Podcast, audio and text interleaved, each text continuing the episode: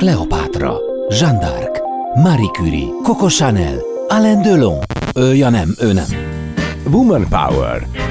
Portrék keret nélkül Kutasi Judittal. Karrier, kihívás, siker és kudarc. Inspiráló interjúk olyan emberekkel, akik egyébként nők. Woman Power. Ebben a hektikus, folyamatosan változó világban a vezetők szerepéről és felelősségéről, a legfontosabb vezetői képességekről, tulajdonságokról, és egyébként a változással járó félelmeink kezeléséről is beszélgetünk ma. Vendégem a stúdióban Zolnai Judit, üzlet és vezetési tanácsadó, tréner, akit egyébként a Forbes az ország egyik legbefolyásosabb nőjeként jegyzett sok éven át. Judit, örülök, hogy itt vagy, elfogadtad a meghívást. Köszönöm szépen a meghívásod. Kezdjük azért onnan, hogy 14 éven át, 2000 2022. júniusáig a MetLife-nak voltál. Először egyébként vezérigazgató helyettese, majd később vezérigazgatója, magyar és bolgár lány, tehát hogy nagyon sok és nagyon komoly feladatot láttál el, és azt mondtad, hogy azért, mert egy előadásban meghallottál valamit, mérlegre tetted azt, hogy hogyan szeretnél élni, mennyire vagyunk főszereplők a saját életünkben, erről beszéltél. Azóta, hogy váltottál, másként érzed? Hát főszereplőből mindenes is lettem. Gyakorlatilag én tavaly nyár óta úgy döntöttem, hogy egy dolgot még nem próbáltam ki a karrierem során, és az pedig az, hogy milyen, amikor önmagamért vagyok felelős, és nagyon sok dolgot csináltam abból, amit most komplexen végzek, de így együtt sosem. Ugyanis amikor az ember kezdő vállalkozó, valljuk be őszintén, hogy én ebbe a szerepbe tettem magam, és ebben szavaztam önmagamnak bizalmat, hogy ezen az úton most kipróbálom magamat, akkor tulajdonképpen a legegyszerűbb administratív feladatoktól kezdve az ügyfélfejlesztésen, ügyfélszerzésen, az üzletfejlesztésen, és nyilván a megvalósításon, visszacsatoláson keresztül ügyfélszolgálatig bezárólag minden folyamat, minden, minden nálam összpontosul. Egyben rögtön mondom is, és jelentem, hogy ez egy óriási iskola. Mondhatnám azt, hogy szinte receptre írnám fel minden vezetőnek, és mindenkinek, hogy tegyen próbát egy ilyen feladatkörben, mert az biztos, hogy önmagunkról rengeteget tudunk tanulni, amit eddig csak ilyen személyiségi teszteken láttuk, és úgy, úgy, úgy biccentettünk, vagy még néha ilyen ismerősen csippentettünk magunknak a saját szemünkkel, hogy hát igen, érzem, hogy ilyen vagyok. Egy ilyen eh, próba során, vagy ilyen éles váltás során azért az ember nagyon-nagyon sokat tud tanulni magáról, úgyhogy ha másért nem már ezért megérte ezt a lépést megtennem. Hát igen, és az üzleti világban egy másfajta én márkát építettél. Itt most eh, szükség van nyilván ennek a tovább továbbvitelére a neved ismert, de másként kell megnyilvánulnod. Igen, ezt én úgy szoktam mondani, hogy hogyha megnézzük, én nagyon-nagyon szeretem az amerikai üzleti kultúrát, nyilván nem titok, hogy ez volt talán a legnagyobb befolyása az én fejlődésemre és az üzleti gondolkodásomra. És Amerikában minden területen, de hát ha elsősorban csak a sportot nézzük, akkor a játékosokból lesz utána edző. A játékosok által megért szituáció, küzdelmek, személyes és szakmai fejlődést végig kell ahhoz járni, hogy utána valaki hitelesen tudjon később a játékosokhoz beszélni, őket motiválni, bennük hinni és át átvezetni olyan nehézségeken, amit ők pillanatnyilag nem látnak megoldhatónak, vagy legalábbis nagyon küzdködnek vele. Én ezt a feladatot találtam nagyon-nagyon testhez állónak önmagamhoz, a váltás megelőzően már, hiszen nem titok, hogy egy másik amerikai mondás, amit a mentoromtól tanultam, aki azt mondta, hogy három nagy fázisa van az életünknek, a learn, tehát a tanulás, az earn, amikor ugye egzisztenciát teremtünk, és a return, amikor visszaadunk. És én azon gondolkoztam, hogy ez így lehet, hogy Amerikában így működik, de én a magyar verziót úgy látom, hogy ezt így szépen egymás mellé kell építeni, mert hogy én biztos, hogy holtig szeretnék tanulni, jelenleg is a teológiai főiskolán tanulok vezetést és üzleti coachingot.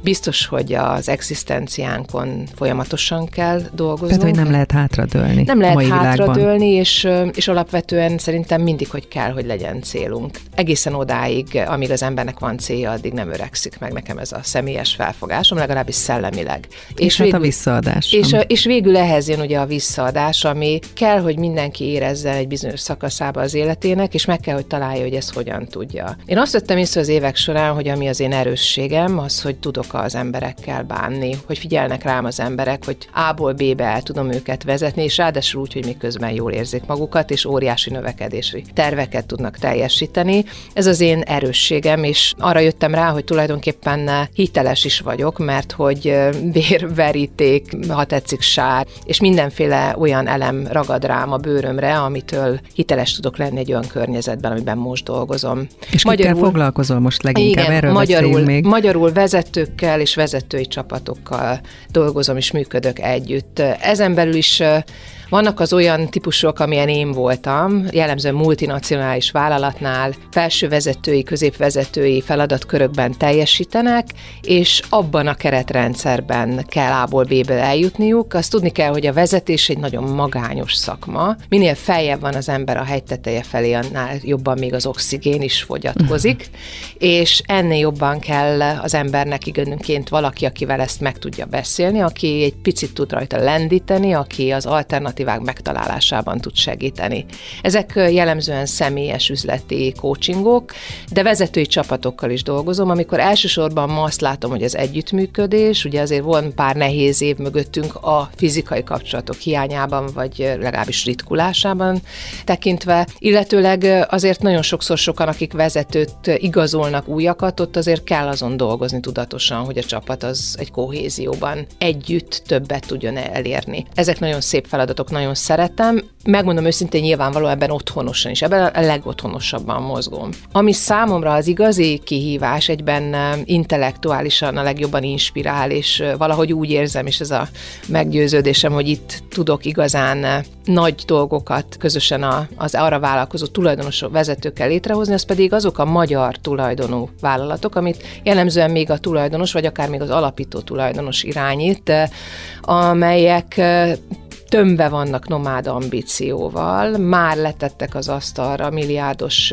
forgalmuk van, de valahogy egy szinten megrekednek. Saját maguk gátját képezik egy picit Ugye a növekedésben? Alapvetően nagyon banális, és néha nem gondoljuk, de tulajdonképpen minden valahol egy emberi helyzetre vezethető vissza, minden üzleti problémának valahol a megoldása is az emberekben rejlik, és a tulajdonosokban, a menedzsmentben. Az, aki egy céget alapít, és aki sikeresen felhúz, és tulajdonképpen eh, képes ezt a folyamatos megújulásra, az egy idő után már eh, nem biztos, hogy szereti azt a feladatot, vagy ugyanolyan lelkes a működtetéstől, nem biztos, hogy alkalmas a bővülő csapat az, hogy az általa teremtett, és az általa totálisan átlátható káoszban tudjon működni. Nagyon sokszor itt jönnek el olyan stációk, amikor ugye, mint egy házépítésénél már kell egy következő emelet, már kell egy struktúra, már a falakat egy kicsit másképp kell megerősíteni, és kellenek válaszfalak is. Alapvetően ez a szervezetfejlesztés, és az, hogy a vezető tudatosan ezekre a feladatokra készüljön, hogy ne érje meglepetésként, ne szakadjon be a gát, hogyha egy kulcsemberével valami történik, hanem tulajdonképpen tudatosan tervezze. És itt szoktam elmondani, hogy mindig, hogy mi ebben az én motivációm, és valóban én nem dolgoztam, nem volt saját tulajdonú alapított cégem, de azt látom, hogy mi az, ami akármennyire is nem szerettük, mikor benne vagyunk, de el kell ismerni, hogy a multi éve tizedeken keresztül ezt kitalálta, jól megcsinálta, a kockázatot menedzselte, mi az, amit érdemes onnan átvinni, és mi az, amit viszont úgy jó, ahogy most csinálnak a tulajdonosok, és igazából arról kell törekedni, hogy a cégén dolgozzon, ne a cégében. Szabadítsunk föl időt, hadd menjen ki az utcára. Itt kedves ügyfelemnél voltam most ma reggel éppen, és, és azt fogalmaztuk meg, hogy ő attól frusztrált, hogy kim van a pénz az aszfalton, ott látja a töménytelen üzleti lehetőséget, de nem tud kimenni, mert az energiáit még mindig visszafelé kell a munkatársaira összpontosítania, hiszen ők még nem tartanak ott, a, ahol ő már szaladna. Én azt érzem, hogy te lubickolsz ebben az új szerepkörben, de egyébként volt félelmed, amikor döntöttél és tovább léptél? Valószínűleg szerencsés a természetem, én félni nem szoktam. Szorongani szoktam, ez egy kicsit ilyen női dolog is egyébként. Nyilván állandóan minden nap végén végigvettem, hogy milyen beszélgetésekben voltam, milyen visszajelzéseket kaptam, és nagyon hálás voltam, hogy nagyon sokszor, és ez utóbbi magyar cégtulajdonosoktól kaptam olyan kérdést, ami, amin akár az ember, hogyha nincs egy olyan jó nagy szülője, aki jó mondásokkal látta el, úgy picit úgy meg is sértődhetne. Mondok egy nagyon egyszerű példát. Beszélgetés van, és a végén megkérdezi az ügyféljelölt, hogy de igazából te mibe tudsz segíteni nekem? Azt értem, hogy te elvezettél két ekkora céget, de hogy ez egy egész más történet. Te mibe vagy igazán jó? Mi az, amit úgy gondolsz, hogy nekem hozzáadott értéket tud teremteni? És ezek a kérdések azok, amik nekem rendkívül módon segítenek, mert hogy el kell ismernem, hogy én egy másik ligában játszottam, ott egy picit mások voltak a szabályok, én más pénzével gazdálkodtam, és egy tulajdonos ügyvezetőnél ne, én akkor leszek hiteles, ha olyat tudok neki mondani, amit a saját keretrendszerébe be tud illeszteni. És akkor ez kihívás is egyben neked, nekem hogy másképp nagyon, gondolkozz. Nekem nagyon, és itt itt van az igazi, hogy mondjam, örömforrás számomra. Ez az, amit az ember egy bizonyos időn túl már egy keretrendszerben mozog, akkor akármennyire is beismerjük, vagy nem ismerjük, megélhetési vezérigazgatóvá válik. Mindig talál a feladat körébe olyat, ami lelkesíti, ami tulajdonképpen, mint a homokozóba megkeresi azt a színű lapátot, amivel még szívesen játszik, de azért alapvetően az összes többi feladat kimondva kimondatlanul már rutinná vált. Woman Power. Portrék keret nélkül Kutasi Judittal. Most azért is kérdeztem, hogy féltél-e az ismeretlentől vagy a váltástól, mert amikor még a vezérigazgató helyettesi pozícióból kineveztek vezérigazgatóvá, akkor azt mondtad, hogy te magad sem hitted el, hogy sikerülni fog, hogy ezt meg tudod lépni, hogy benned van. Tehát volt benned valami fajta kétség, önmagaddal szembeni bizonytalanság, ezeket mikor tudtad letenni? Vagy hogyan hát, tudtad letenni? Szerintem az én esetemben nagyon egyszerű a dolog. Hát én nem láttam ilyet se a családomban, se a közvetlen környezetemben, hogy valaki, valaki ilyen magasságokba jut. És én is emberből vagyok, amíg valaki nem hit bennem, vagy valaki nem mondta azt, hogy én azt látom, hogy te erre képes vagy, addig az ember már csak ilyen, hogy magáról kevésbé hiszi el. Nagyon sokszor kell ez a külső tükör mindig szoktam mondani, hogy egy barát vagy egy barátnő időnként jobb gazdája te életednek, sorsodnak, mert ő biztosan jobban meg tudja neked mondani, hogy neked mit kellene csinálni. Nyilván nem fogod azt csinálni, mert nem az a te megoldásod, vagy csak figyelembe veszed a döntésed kialakításánál. Tehát mindig kell egy külső, harmadik, negyedik szemfül. Akkor kezdtem el mindig elhinni azt, hogy én valamire képes vagyok, amikor nagy volt a kabát, amit fölvettem, amikor elkezdtem belenőni a kabátba, amikor az első sikerélmények jöttek, az első visszaigazolások jöttek, amikor már élveztem. Nagyon sokszor vezetőkkel dolgozom, és mindig azt szoktam mondani, hogy ennek az egésznek az a lényege, bármiben fejlődni szeretne, hogy azért a nap végén ezt játéknak fogjuk fel. És azért ehhez kell egy bizonyos érettség, vagy személyiség, hogy ki mikor van abban az állapotban, hogy azt mondja, hogy ez az egész már egy játék. Azért érdemes idáig eljutni, mert egészen másképp fogjuk élvezni ezt az egész életet, és ezt mindig el szoktam mondani, hogy a régi szakmámból ered, hogy összesen 28 ezer napunk van ezen a földön, tehát még egyszer 28 ezer nap, érdemes kiszámolni, hogy ki hol tart. És hogy mennyire fontos, hogy ezeket a napokat hogyan éljük meg. És ennentől kezdve mind a munkánkban, embere, így van, mind a magánéletünkben. Minden nap egy fontos döntésnek kell lenni, hogy én abba vagyok, amit szeretek, vagy ilyen picit ilyen mókuskerékben, tetszhalottként valamilyen olyan helyzetben vagyok, ami igazán már nem hoz engem lelkesedésben. És azért érdekes, mert a játékról beszéltél, de amikor te kislány voltál, akkor nem üzletesdit, vagy vezérigazgatósdit, vagy, vagy egyáltalán nem ebben a világban gondolkodtál, vagy játszottál, ha jól tudom, hanem divattervező, vagy jelmeztervező szerettél volna lenni. Ez az álom miért nem valósult meg? Mert ahogy nézlek, ha ezt komolyan gondoltad volna, valószínűleg abban is eljutottál volna a csúcsra.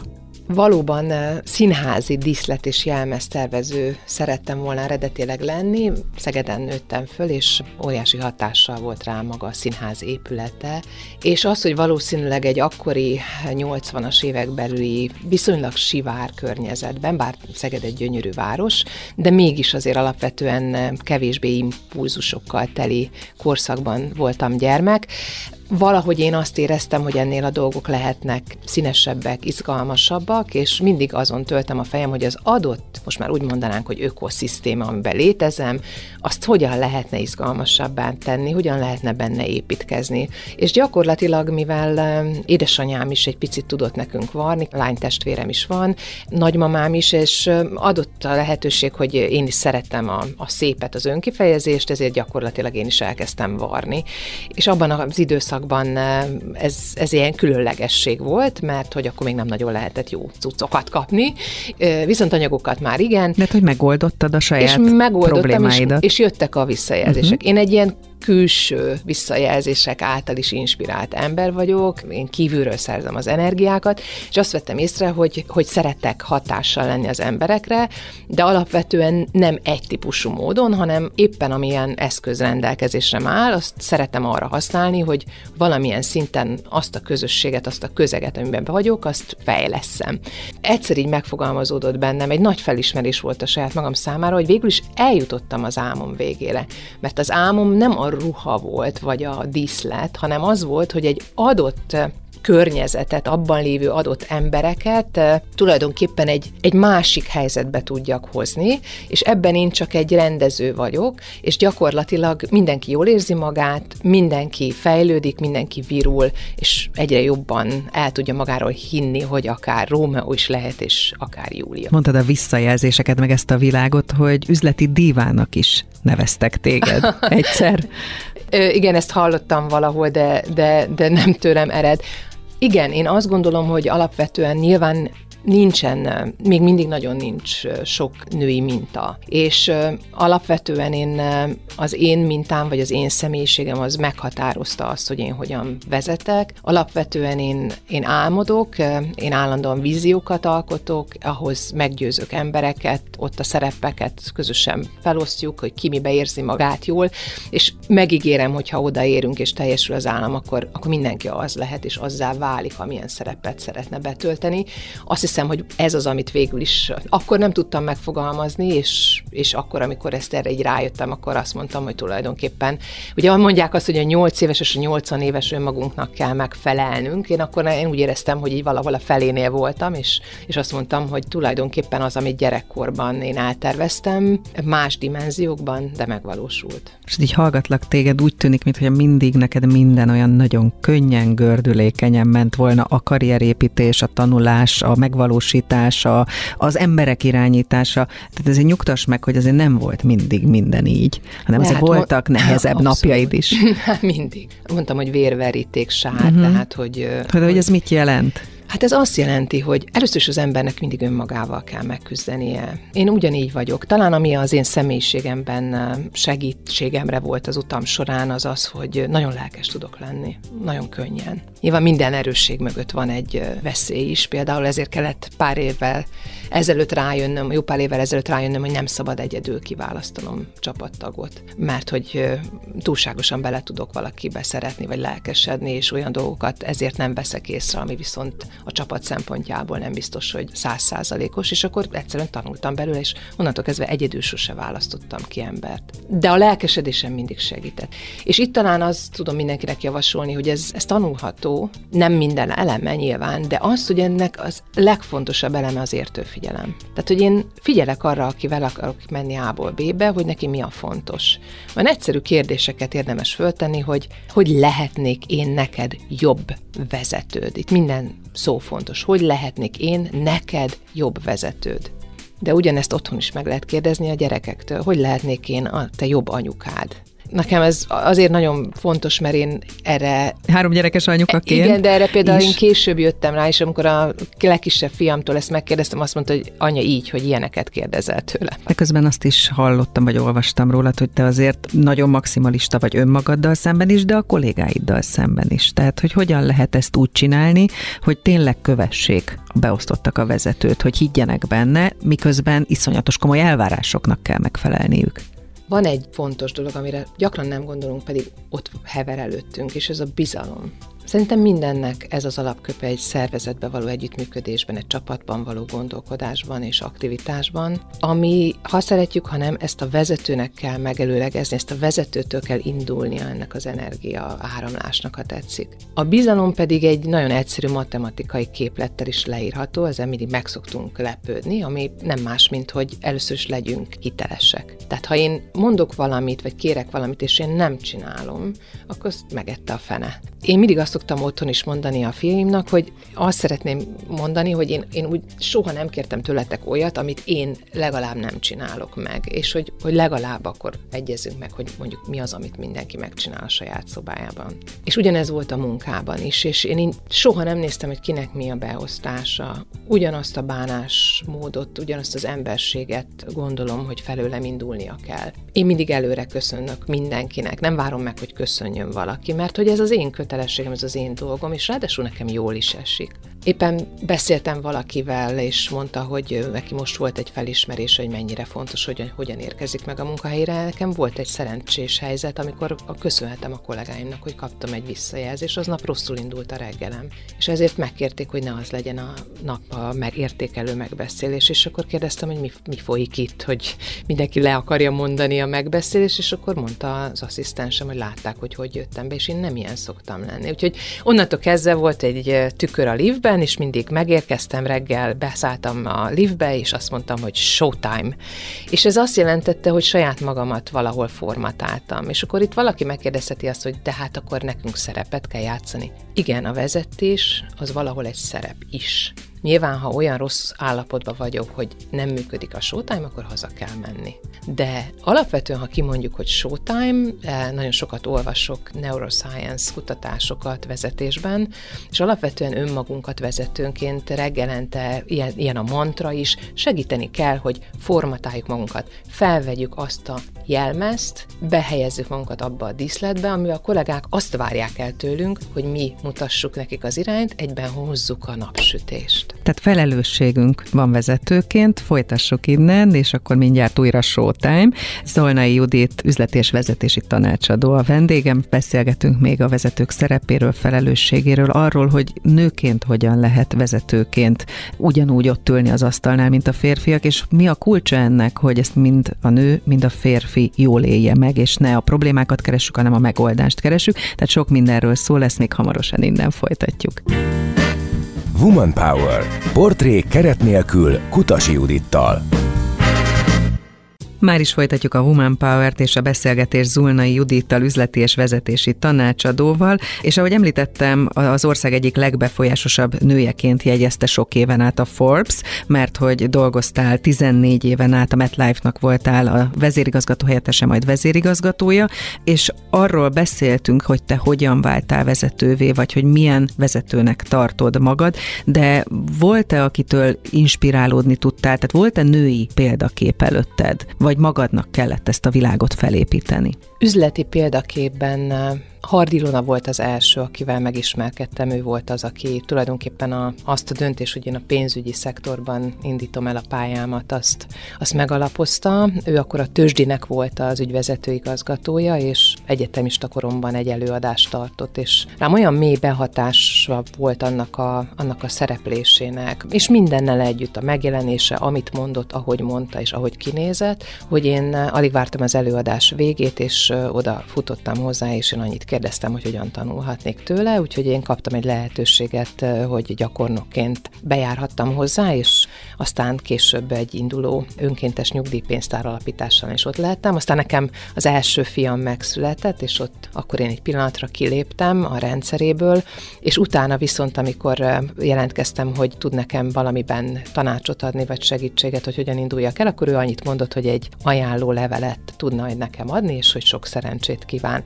És ez az az ajánlólevél valószínűleg nagyon segített, mert gyakorlatilag két helyre hívtak be az első körben, és ebből én akkor az akkor induló nyugdíjpénztári szektor egy másik svájci szereplőjének a felajánlását fogadtam el, és akkor azt azt gondolom, hogy azért tettem, most már így tudatosan ki is tudom mondani, mert úgy éreztem, hogy ez egy gyorsító pálya, mint a repülőtéren nem kell végigállni a sort, hanem egy induló. Akkor nem is volt még ismeretes ez a szó, hogy startup, de az egy startup business volt, és az volt még egy óriási előnye, hogy tulajdonképpen egyforma induló sávról indult minden szakember, hiszen ez egy újonnan induló terület volt, pénzügyi terület volt, és ezáltal esélyem volt arra, hogy tulajdonképpen ha az akaratom, a szorgalmam, a kitartásom tudásom az helyén van, akkor esélyem van arra is, hogy versenyben tudjak lenni, mert nyilvánvalóan én versenyszerűen sportoltam gyerekkoromban, tehát ezt a szemléletet én hoztam magammal az üzletbe is. És gondolkodtál azon, hogy időközben te is példakép lettél? És hogy ez felelősséggel jár? Nem, az ez akkor életben? volt először furcsa, amikor az első megkeresés, média megkeresés volt arról, hogy beszélnék arról. Emlékszem, ez egy, ez egy népszabadság interjú volt, nagyon-nagyon régen, a 2000-es éveknek az elején, és az, arra csodálkoztak rá, hogy hogy lehet az, hogy én akkor vezérhelyettes voltam már, és hogy amellett így van három gyerek is a portfóliómba, és ez, amikor az ember benne van az életében, akkor csak teszi és végzi a feladatokat. Persze abban az időszakban volt olyan, hogy a túlélésemért küzdettem, ezt én nem rejtem vék alá, és mindenkinek azt szoktam mondani, hogy csak az vállaljon ilyet, aki mind a kettőt nagyon akarja. De összességében akkor kezdtem így furcsálani, hogy miért olyan különleges ez? Tehát, hogy ez most miért olyan különleges? Hát Afrikában is a nők szülnek, aztán meg kimennek a földekre dolgozni. Tehát, hogy mi ebben a különleges?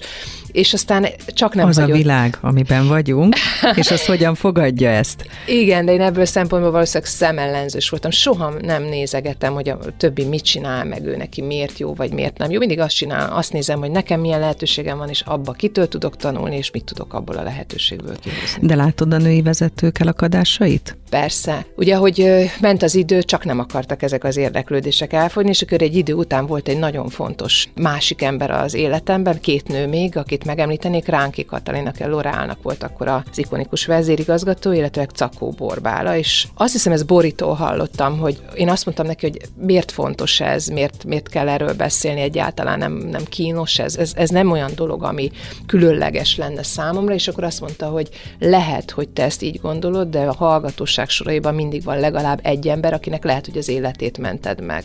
Mert vagy lelkismeret furdalása van, vagy egy komoly döntés előtt áll, és felelősségünk az, hogy nőként a többi nőnek adjunk magunkból gondolatokat, inspirációkat, illetőleg jó gyakorlatokat. Ez volt nálam egy ilyen átbillenési pont. És akkor azt mondtam, hogy tényleg nekem is segítettek ezek a nők, akiket említettem, illetőleg akkor nekem is kutya kötelességem, és azt láttam ráadásul, hogy a visszacsatolás, ha jött, és mint mondtam, én azért a külső visszajelzések által inspirált ember vagyok, és akkor jöttek a visszajelzések, hogy köszönik, hogy ez sokat segített, akkor megerősödtem ebbe, hogy ezt nekem csinálnom kell. Vannak női ügyfeleid most? Vagy inkább Abszolút. férfiakkal foglalkozol? Ugye ez nagyon érdekes, ugye az, a magyar üzleti világban egyszerűen a számok törvénye alapján, a statisztika alapján több a, a férfi nem üzleti vezető. Az első számú vezető. Első számú Igen. vezető, így van. Ezért nyilván alapvetően sok férfival dolgozom, és nagyon szeretek velük dolgozni. Akikkel nőkkel dolgozom, jellemzően inkább a tehetségek, azok a feltörekvő 30 és 40 közötti nők, akik már elkapták a fonál végét, már adott esetben meg is született a gyermek első, második, és valahogy megpróbálják ezt a kettőt együtt vinni tovább, illetőleg van egy olyan, hál' Istennek elkötelezett stratégiájuk, személyes fejlődési stratégiájuk, hogy ők szeretnének a felső vezetésbe kerülni, szeretnének bortagok lenni, szeretnének ráhatással lenni a dolgokra, vagy saját cégüket vezetik. És ezekben az esetekben jön be ez a tapasztalás, itt van arra kíváncsiság és igény, hogy én abba is segítsek nekik, hogy a személyes stratégiájukat hogyan igazítsák az üzleti stratégiához. Gondolom azért nem szoktad azt tanácsolni, hogy nadrágot húzzanak. Tehát mi a jó megoldás, hogyan kell vezetőnőként hát ez nálam egy alaptanács, hogy mindenkinek legyen barna nadrágja a szekrényben, meg legyen bátor nadrágja. Mert hogy erre mind a kettőre szükség van. És hogyha megvan, akkor már egy frusztrációval kevesebb. Mert alapvetően lesznek, és nagyon sok olyan szituáció van, amikor barna nadrágaba kell menni, hogy nehogy észrevegyék rajtad, hogy hát te magad is azért össze vagy rezdülve. A bátor nadrág az meg anélkül nem is lehet ma vezetni. Mert hogy ködben megyünk előre, visszapillantó tükör nélkül vezetünk már, mert nincsen értelme a múltbéli adatokat nézni, gyakorlatilag nem relevánsak. És ebben a setupban, ebben a környezetben a vezető szerepe felértékelődött. Aki nem bátor, azt nagyon hamar leveszi a környezete, és előbb-utóbb tulajdonképpen ő lesz a gátja a fejlődésnek. Akinek meg nincs barna nadrágja, az pedig ugye egy hollywoodi producer előadását többek között nagyon sok vezetői képzésen vettem részt, hál' Istennek az amerikai cégem jó voltából, és egy hollywoodi producernek volt egy nagyon érdekes előadása, hogy minden kasztos sikerfilmnek megvan a receptje, és hogy alapvetően nyilván a nüanszokon múlik utána, hogy ki mennyit keres rajta a végén, de hogy soha a szereplőt figyeljük meg, soha nem tökéletes. Ugye ez a boys vagy girls next door, tehát a, a fiú vagy a lány a szomszédból effektust kell egy vezetőnek is behoznia. Magyarul bizony fel kell vállalnunk, hogy nem vagyunk tökéletesek, hogy fel kell vállalnunk, hogy vannak rossz napjaink, hogy fel kell vállalnunk azt is, hogy, hogy vannak olyan területek, amik nem az erősségünk. Erről tudnunk kell beszélni, de úgy, hogy van rá megoldásunk. Na ettől leszünk hősök, és ma hősökre van szüksége a cégeknek. Woman Power. Portré keret nélkül Kutasi Judittal.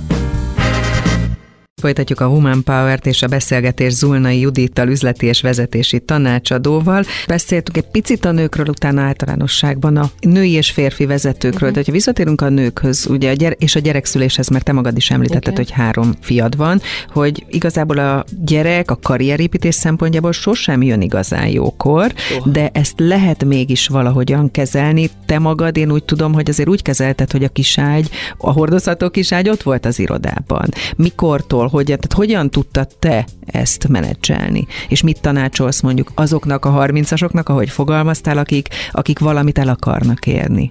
Ebben talán a kiinduló pontnak annak érdemes lennie, hogy mindenkinek ismerni kell önmagát. Tehát az önismeretazás. Én mire vágyom, mi az, amitől én boldog leszek, mi az, ami engem egyensúlyban tart. És amikor ez megvan, és valaki kimondja azt, hogy nekem mondjuk nem elég az egyik csak, vagy egy bizonyos ideig szeretnék ebbe lupickolni, és utána már szeretnék visszamenni a másik részbe, akkor ez bármennyire is furcsán hangzik, ezt akár egy projektmenedzsmenthez is tudom hasonlítani.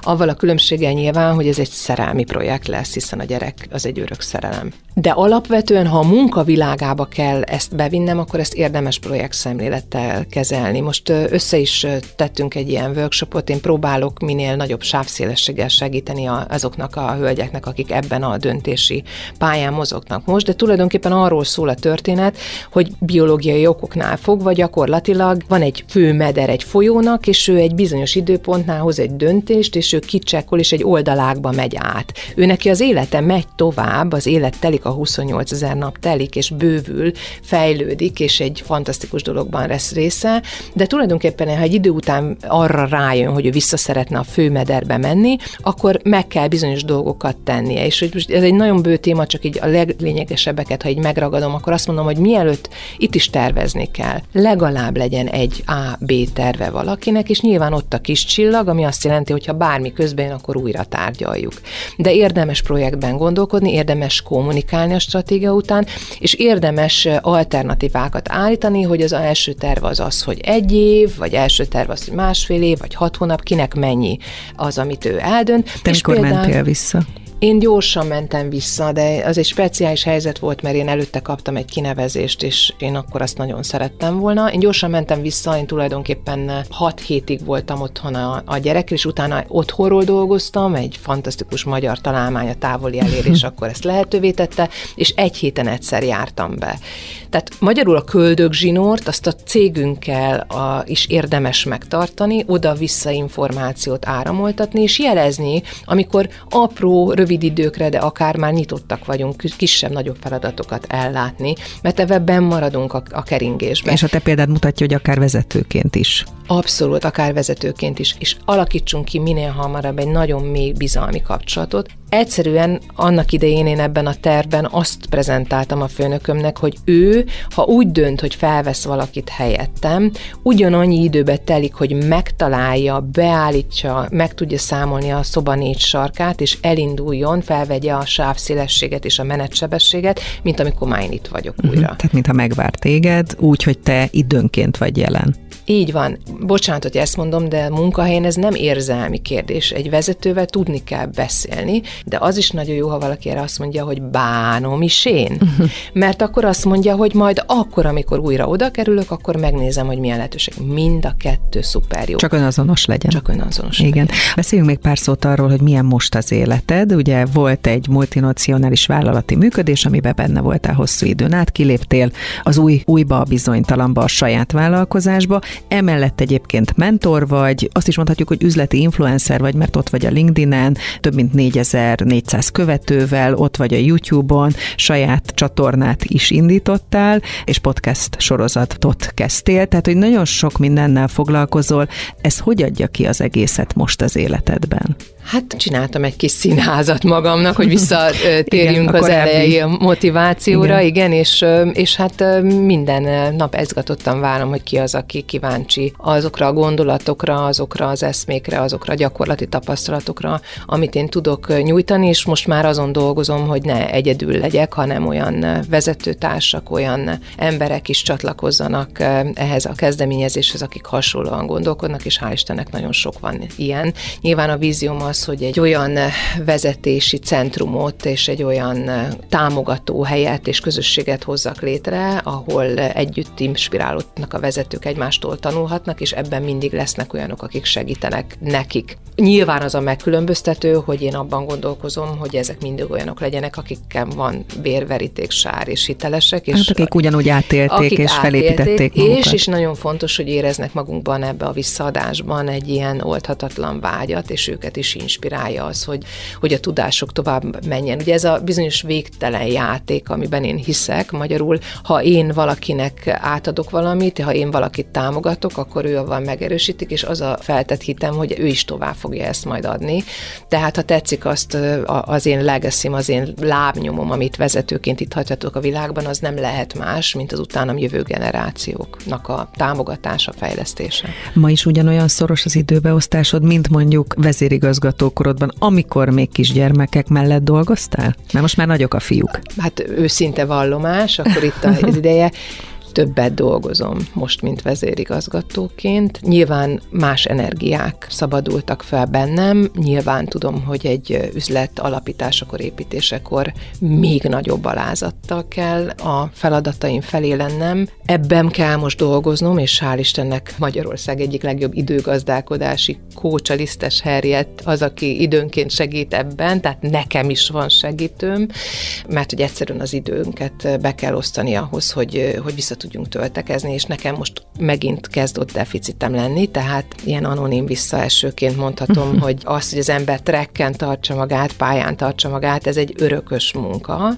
de, de rettenetesen élvezem, amit csinálok, és csak abba bízom, hogy ez látszik is rajtam, érezhető is rajtam, és ezáltal nyilvánvaló megint csak fogok tudni abból átadni, mert hogyha nekem magasabb az energiaszintem, akkor az a szilárd meggyőződésem, hogy át is tudok belőle adni. Ez olyan, mint hogyha valaki rendszeresen vért ad állítólag, hogy akkor az, az, az a számára is egy pozitív élettani hatás. Egyébként szoktál visszanézni? Esetleg az, hogy mit kellett volna másképp csinálni, miből lehet tanulni, vagy, vagy te Csak előre mész és előre belül, nézel? Napon belül, tehát egy napra szoktam ránézni, vagy este, vagy reggel, attól függően, hogy mennyire zsigerelem ki a, a fizikai erőlétemet aznap.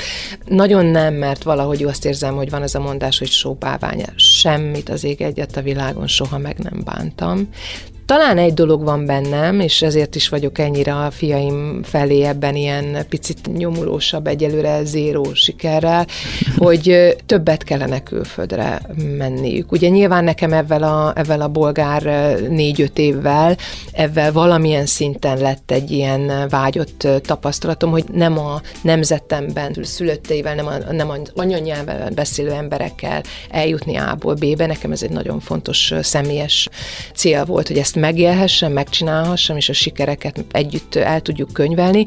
A fiaim itthon vannak, tanulnak, dolgoznak. Nekem azért van egy ilyenem ezzel kapcsolatosan, mert hogy én azt gondolom, hogy attól még több, vagy még gazdagabbak vagyunk személyiséget, illetően, hogy hogyha ha kin élünk, ha kin dolgozunk, és a, utána döntünk úgy, hogy visszajövünk Magyarországra.